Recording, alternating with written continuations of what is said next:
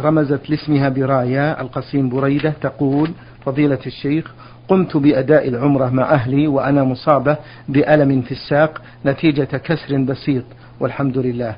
ولكن الآلام تعاودني مع كثرة المشي. والسؤال هنا يا فضيلة الشيخ هو أنني أثناء الطواف بدأت أطوف وأجلس قليلا لأستريح وأريح قدمي آه، وأريح قدمي المريضة وهكذا. ولكن الألم اشتد علي حتى جعلني أترك الشوط الأخير. ماذا علي الآن؟ وما الحكم إذا كان والدي قد طاف عني في الشوط الأخير وفي نفس الوقت؟ الحمد لله رب العالمين وأصلي وأسلم على نبينا محمد وعلى آله وأصحابه ومن تبعهم بإحسان إلى يوم الدين. الطواف الذي وقع من من هذه المرأة لم يصح. وإذا لم يصح الطواف لم يصح السعي. وعلى هذا فهي لا تزال الآن في عمرتها. يجب عليها الآن أن تتجنب جميع محظورات الإحرام. ومنه معاشرة الزوج إن كان لها زوج. ثم تذهب إلى مكة وهي على إحرامها. وتطوف وتسعى وتقصر من أجل أن تكمل العمرة. إلا إذا كانت قد اشترطت عند ابتداء الإحرام. إن حبسني حابس فمحلي حيث حبستني فإنها قد تحللت الآن ولكن ليس لها عمرة لأنها تحللت منها. وإنني بهذه المناسبة أنصح إخوان المسلمين من التهاون في هذه الأمور. فإن من الناس الآن من يسأل عن حج أو عمرة لها سنوات أخل فيها بركن وجاء يسأل. سبحان الله إن الإنسان لو ضاع له شاة لم يبت ليلته حتى يجدها. فكيف بمسائل الدين والعلم؟ فأقول إن الإنسان يجب عليه أولا أن أن يعلم قبل أن يعمل. ثانيا إذا قدر أنه لم يتعلم وحصل خلل فالواجب المبادرة. لكن بعض الناس يظن أن ما فعله صواب فلا يسأل عنه. ولكن هذا ليس بعذر. لماذا ليس بعذر؟ لأنه إذا فعل ما يخالف الناس فقد خالف فلا بد أن يسأل. لا بد أن يسأل. إذ أن الأصل أن مخالفة الناس خطأ. فلو قدر مثلا أن إنسانا سعى وبدأ بالمروة وختم بالصفا. هذا خالف الناس وإذا خالف الناس فلا بد أن يسأل. ما يسكت حتى يأتي لها ذكر. لا بد أن يسأل. فهو غير معذور في الواقع. ما دام فعل ما يخالف الناس ليس معذورا بتأخير السؤال. فعلى المرء أن يسأل ويبادر بالسؤال. أحيانا لا يسأل ثم تزوج المرأة أو الرجل وهو على إحرامه. وحينئذ نقول لا يصح النكاح. لا بد من إعادته. فهذه المرأة مثلا لو تز... فرضنا أنها تزوجت بعد أداء العمرة فالنكاح غير صحيح. يجب أن تذهب وتكمل عمرتها ثم تعود وتجدد العقد. لأنها تزوجت وهي على إحرامها. فالمسألة خطيرة خطيرة خطيرة. نعم. أحسن الله إليكم وبارك فيكم. هذا الأخ السائل يقول ما العلاج الشرعي للمصاب بالعين؟ وبعض الناس يكون عنده وسواس ويخشى الإصابة بالعين ودائما يطلب من الناس أن يذكروا الله فهل عمله هذا صحيح؟ إنه من الواضح جدا في عهدنا نعم القريب أن الناس كثرت فيهم الأوهام. والوساوس. فإذا أصيبوا بشيء عادي قالوا هذا جن أو هذه عين أو هذا سحر. ونحن لا ننكر أن الجن قد يسلط على الإنس ويتلبس به ولا ننكر أن الإنسان قد يصاب بالعين ولا ننكر أن الإنسان يسحر. ولكننا نريد أن لا يكون هذا وهما بين الناس. فإذا قدر أن أحد أصيب بذلك نسأل الله لنا ولإخواننا المسلمين العافية. فإنه يبحث عن العلاج. علاج السحر نقضه.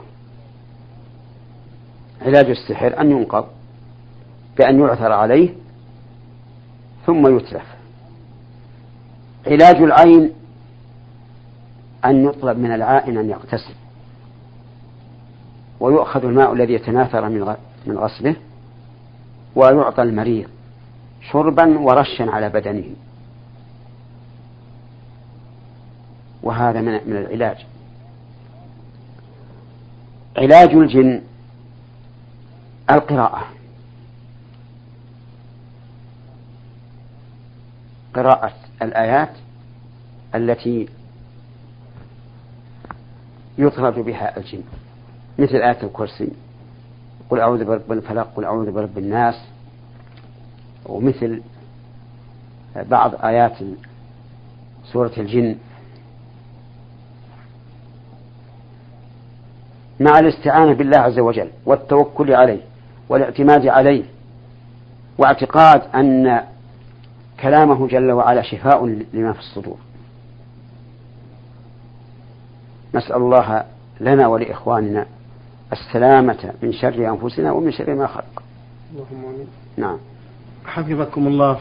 يقول هذا السائل أبو عبد الله بعض الأدباء يؤلفون قصصا ذات مغزى وبأسلوب جذاب مما يكون له الأثر في نفوس القراء ولكنها من نسج الخيال. ما حكم ذلك؟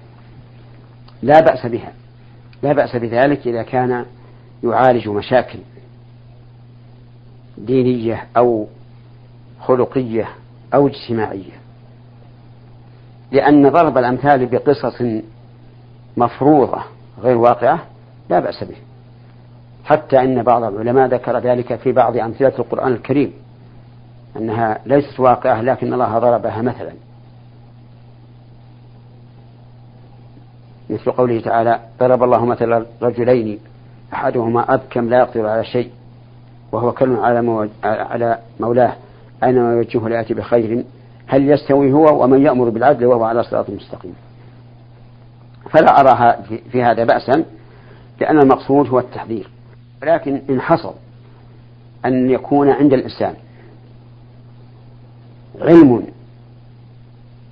بما في الكتاب والسنة ثم يعرض آيات فيها معالجة مشاكل ويشرحها ويفسرها ويضرب المثل عليها فهو خير.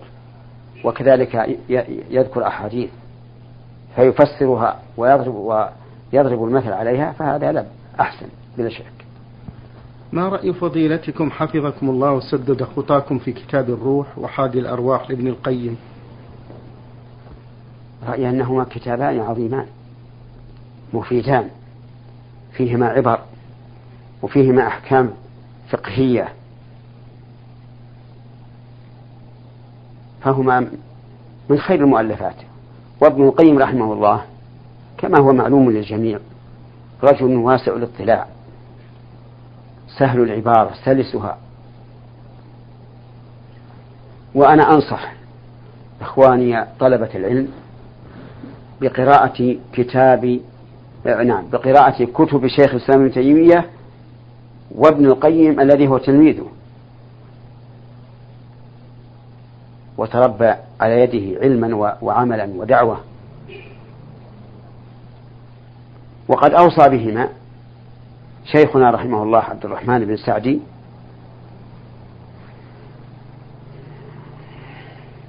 لأنه رحمه الله انتفع بكتب الشيخين انتفاعا كبيرا. ونحن انتفعنا بهما والحمد لله. فنشير على كل طالب علم أن يقرأهما لينتفع بهما. نعم. ما أفضل الكتب المؤلفة في السيرة النبوية يا فضيلة الشيخ؟ هذه المشكلة. السيرة النبوية ألفت فيها كتب كثيرة لكن بعضها ليس له سند ولكنها اشتهرت بين الناس ثم كتبت في الكتب. من أحسن ما رأيت وأنا لم أرى شيئا كثيرا من كتب التاريخ والسيرة البداية والنهاية لابن كثير رحمه الله. وإذا أشكل عليك شيء منها يعني إذا قرأت وأشكل عليك شيء فابحث عنه بحثا خاصا مثل أن تروى قصة قصة واقعة منسوبة للنبي صلى الله عليه وعلى آله وسلم أو لغير من الصحابة فابحث عنها. وعن سندها حتى يتبين لك. المهم أن من خير ما قرأت وأفيده في هذا الموضوع كتاب البداية والنهاية لابن كثير رحمه الله. نعم. أحسن الله إليكم وبارك فيكم. فضيلة الشيخ يقول هذا السائل هل يأثم الإنسان إذا بحث عن زوجة لا تلد وعنده زوجة وأولاد قبلها؟ هذا السؤال سؤال غريب. أن الإنسان يطلب من لا تلد. وقد قال النبي صلى الله عليه وعلى آله وسلم تزوجوا الودود الولود. يعني المعروف بكثرة الولادة. من من منها إن كانت قد تزوجت من قبل وعرفت منها وعرف منها كثر الأولاد أو من أقاربها اللاتي عرفن بكثرة الأولاد. ولكن مع ذلك لا أرى مانعا أن يختار الإنسان امرأة عقيما للاستمتاع بها و وغير ذلك من مصالحه التي يريد. نعم. أحسن الله إليكم وبارك فيكم. إذا إذا قال الرجل للزوجة الأولى ليس لك ليلة ترضين وإلا سوف أطلقك ورضخت مكرهة. فلا حرج. إذا لم يكن له رغبة فيها وقال لها إن شئت بقيت عندي بدون قسم أو أطلقك. نعم. فلا فلا بأس. وقد وهبت سودة بنت زمعة رضي الله عنها أم المؤمنين يومها لعائشة رضي الله عنها لأنها لها غرض في ذلك. فهذه المرأة أيضا التي رضيت بأن تسقط حقها من القسم وفضلت إسقاط حقها من القسم على طلاقها لا ليس ليس عليها حرج ولا على الزوج حرج. نعم. حفظكم الله هذه السائلة تقول امرأة تدعو على أولادها بالموت وبالجن وهي لا تقصد الدعاء فما حكم عملها هذا؟ حكم عملها أننا ننصحها بأن تطهر لسانها من هذه الأشياء. لأنه يخشى أن تصادف ساعة إجابة فيقبل منها. وهي بدل من أن تدعو عليهم. تدعو لهم. تقول مثلا افعل هذا افعل أعانك الله. اترك هذا عصمك الله من السوء أو ما أشبه ذلك. بدل من التشتيم والتلعين. حفظكم الله. هذا السائل يقول رجل حافظ لكتاب الله عز وجل لكنه لا يعرف قيام الليل ويأتي إلى المسجد قرب الإقامة ولا يظهر عليه أثر حفظ القرآن الكريم ولا يختم إلا في الشهرين مرة واحدة. هل يأثم بذلك وهو حافظ؟ لا يأثم بهذا لأن الإنسان متى أتى بواجبات الإسلام وأركان الإسلام فلا إثم عليه. لكن ينبغي ما دام الله من عليه بحفظ القرآن أن يحرص على تلاوة القرآن. لأن تلاوة القرآن فيها ثواب عظيم. الحرف الواحد بحسنة والحسنة بعشر أمثالها فمن يحصي الحروف في القرآن؟ فلا ينبغي أن يحرم نفسه من كثرة قراءة القرآن من أجل احتساب الأجر على الله عز وجل ومن أجل إمساك القرآن. لأن الإنسان إذا لم يتعاهد القرآن نسيه. ولهذا أوصى النبي صلى الله عليه وعلى آله وسلم بتعاهد القرآن. وقال هو الذي نفسي بيده له أشد تفلتا من الإبل في عقلها. وهذا من حكمة الله عز وجل أن يكون القرآن ينسى سريعا. لأجل أن يحرص الإنسان على تعاهده وكثرة تلاوته فيحصل له الأجر ويزداد أجرا. وليكون هذا امتحان واختبار من الله عز وجل في من هو حريص على كتاب الله أو ليس بحريص. فأوصي إخواني الذين من الله عليهم بحفظ القرآن أن يكثروا من قراءته. لما في ذلك من اكتساب الأجر والثواب على الله عز وجل. أسأل الله أن يرزقنا جميعا تلاوة كتابه حق تلاوته. اللهم آمين. حفظا وعلما وعملا. آمين. نعم. جزاكم الله خيرا. آه، يقول السائل آه، إنسان سريع الغضب وربما تفوه بكلمات العقوق لأمه وهو لا يشعر. كيف العلاج الناجع من الغضب يا فضيلة الشيخ؟ العلاج الناجع من الغضب ما ذكره النبي صلى الله عليه وعلى آله وسلم وهو الاستعاذة بالله من الشيطان الرجيم. فإذا رأى من نفسه الغضب قال أعوذ بالله من الشيطان الرجيم. لأن الغضب جمرة يلقيها الشيطان في قلب ابن آدم. فيفور دمه. ويتكلم بما لا يعرف. فإن وإذا أصابه الغرض وهو قائم جلس. فإن أصابه وهو جالس اضطجع. وكذلك ينبغي أن يتوضأ ليطفئ حرارة الغضب ولقد أوصى النبي صلى الله عليه وسلم رجلا قال يا رسول الله أوصني. قال لا تغضب. قال أوصني. قال لا تغضب. فردد مرارا وقال لا تغضب. فليضبط, فليضبط الإنسان نفسه وليكن ثقيلا رزينا. فهنا الدواء الآن. الاستعاذة بالله من الشيطان الرجيم. إذا كان قائما فليقعد وإن كان قاعدا فليضطجع ثم ليتوضأ أيضا. هناك شيء آخر أيضا يسلم به الإنسان من آثار الغضب وهي أن يغادر المكان. كما لو غاضبته امرأته مثلا فليخرج يدعو البيت حتى ينطفئ غضبه. وهذا من أجل أن يحفظ نفسه من ترتب آثار الغضب. أما ما ذكره النبي صلى الله عليه وعلى آله وسلم فهو يمنع الغضب رأسا. نعم. جزاكم الله خيرا. هذا السائل يقول يا فضيلة الشيخ إذا دخلت المسجد وليس فيه أحد هل أسلم من أجل وجود الملائكة عليهم السلام؟ سلم على النبي صلى الله عليه وعلى آله وسلم وكفى. قل بسم الله والسلام على رسول الله. اللهم افتح لي أبواب رحمتك. أعوذ بالله العظيم وبوجهه الكريم وبسلطانه القديم من الشيطان الرجيم.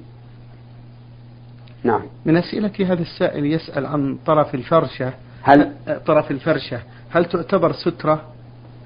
لا لا تعتبر سترة لكن من مر من ورائها فلا يضر المصلي شيئا لأنه من وراء محل سجوده. والإنسان له ثلاث حالات. نعم تارة يضع سترة ويقرب منها فالعبرة بما بينه وبين سترته. وتارة يضع سترة لكن يبعد عنها فلا حق له في هذه الحال إلا إلى موضع سجوده فقط. وتارة لا يضع سترة فإن كان يصلي على فراش فحده فسترته حد الفراش إذا كان قريبا منها. وإن كان لا يصلي إلى فراش فحده منتهى سجوده. نعم. جزاكم الله خيرا. فضيلة الشيخ السائل يقول رجل يفكر أن يكون إماما في مسجد لكن المشكلة أنه يريد المكافأة من أجل أن تساعده في قضاء دينه. هل يؤثر ذلك على نيته؟ هذا ينظر أيهما أغلب. هل الأغلب أن يكون إماما ينفع المسلمين ويستعين بإمامته على أداء الصلاة أو إنه يغلب على عليه طلب المال. فالأعمال بالنيات ولكل امرئ ما نوى. نعم. من أسئلة هذا السائل يقول يا فضيلة الشيخ أحدثت وأنا إمام في المسجد ولكنني لم أقطع الصلاة حياء وخجلا. ما الذي يلزمني ويلزم الجماعة بعدما تفرقوا؟ أما الجماعة فلا يلزمهم شيء لأنهم معذورون.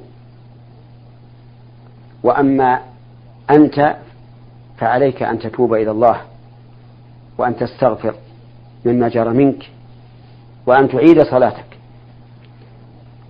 ويا أخي كيف تستحي من الناس ولا تستحي من الله؟ كيف تصلي بين يديه سبحانه وتعالى؟ صلاة لا يقبلها منك. حياء من الناس. إن الله تعالى أحق أن يستحيا منه وأحق أن يخشى. فالواجب على من أحدث في صلاته وهو إمام أو تذكر أنه على غير وضوء أن ينصرف من الصلاة. وأن ينيب بعض المصلين ويقول يا فلان تقدم أكمل بهم الصلاة. فإن لم يفعل وانصرف من صلاته وترك الناس فالناس الخيار بين أمرين؟ إما أن يقدموا واحدا فيكمل بهم الصلاة فيكمل بهم الصلاة وإما أن يصلوا كل واحد يصلي وحده. نعم. أحسن الله إليكم وبارك فيكم هذا السائل. يقول فضيلة الشيخ إذا قدمت من مكة إلى المدينة ومررت بمسجد قباء هل أصلي ركعتين؟ علما بأنني لن أبقى بالمدينة طويلا؟ ابدأ أولا بالمسجد النبوي.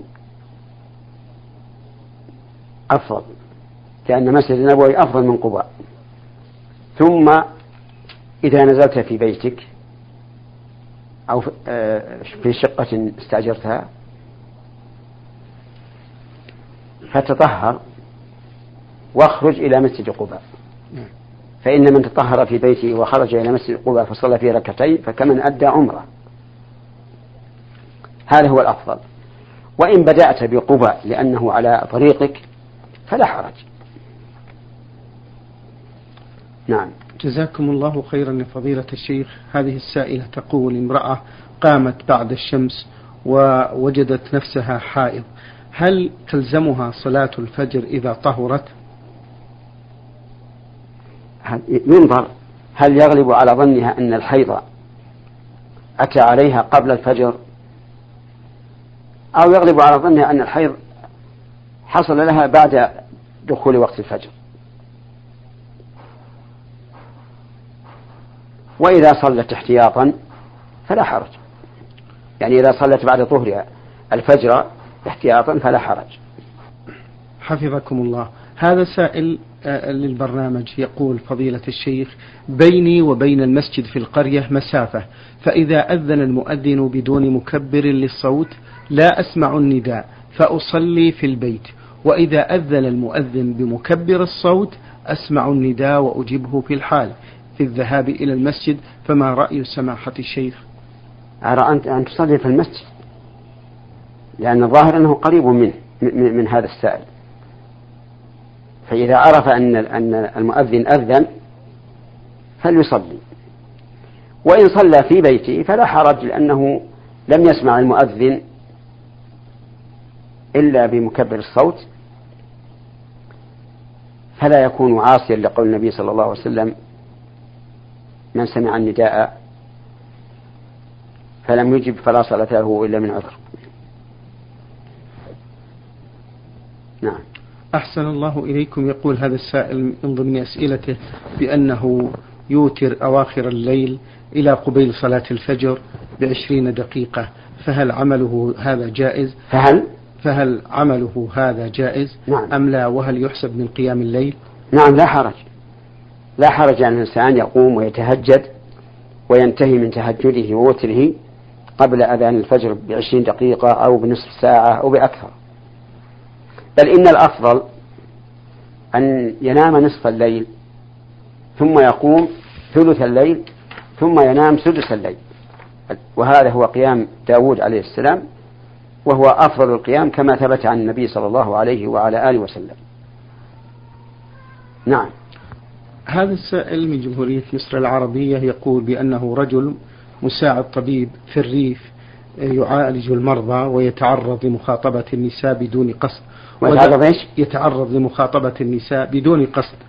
وذات مرة يقوم يقول قمت بمعالجة إحدى العجائز في إحدى القرى فقدمت لها مغذي وعند نهاية المغذي قبل صلاة العشاء أمسكت بيد المرأة لإبعاد المغذي عنها وذهبت للصلاة بدون وضوء وأنا طاهر يقول هل آه، لمس المرأة ينقض الوضوء؟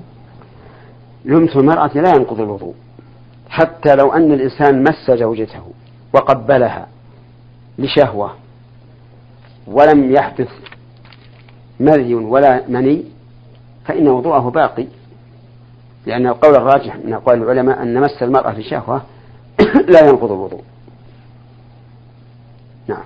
شكر الله لكم من فضيلة الشيخ وبارك الله فيكم وفي علمكم ونفع بكم الإسلام والمسلمين. أيها الإخوة والأخوات أجاب